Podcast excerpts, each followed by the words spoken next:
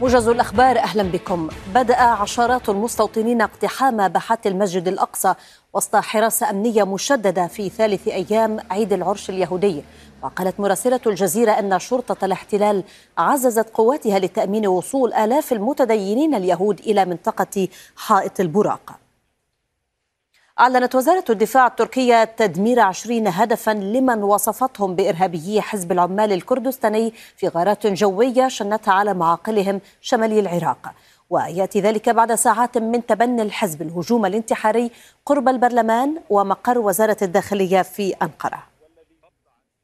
قال الرئيس التركي إن الدول العظمى حرضت منظمات إرهابية على بلاده لكنها تمكنت من القضاء عليها. وأضاف أن تركيا ستقضي على آخر إرهابي داخل البلاد وخارجها. أفاد مراسل الجزيرة بأن الجيش السوداني قصف مواقع لقوات الدعم السريع في أم درمان كما أفادت مصادر محلية بأن الجيش قصف مواقع للدعم بمحيط سلاح المدرعات بالخرطوم. وكانت قوات الدعم السريع أعلنت سيطرتها على حامية للجيش في شمال كردفان بينما قال مصدر في الجزيرة أو في الجيش للجزيرة إن قوة هاجمت الجيش وانسحبت من المدينة بعد ترويع ونهب المدنيين وفق تعبيره. زار رئيس مجلس السيادة السوداني عبد الفتاح البرهان مدينة دنقلة شمالي البلاد بعد زيارته مدينة عطبرة في ولاية نهر النيل.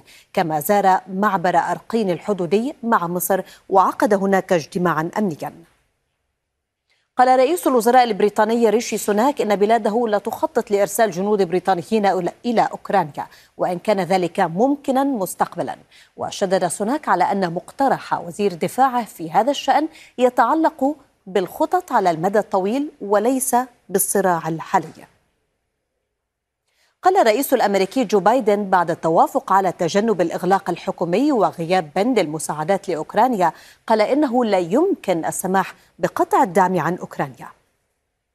وصلت بعثة الأمم المتحدة إلى إقليم كرباخ لتقييم الوضع وتحديد الاحتياجات الإنسانية في أول زيارة لها منذ ثلاثين عاما هذا وقالت منظمة الصحة العالمية إن مئة ألف من الأرمن من أرمن الإقليم رحلوا إلى أرمينيا قالت وزارة الصحة المصرية أن 26 شخصا أصيبوا في الحريق الذي شب في مبنى مديرية أمن الإسماعيلية شمال شرقي القاهرة فجر اليوم.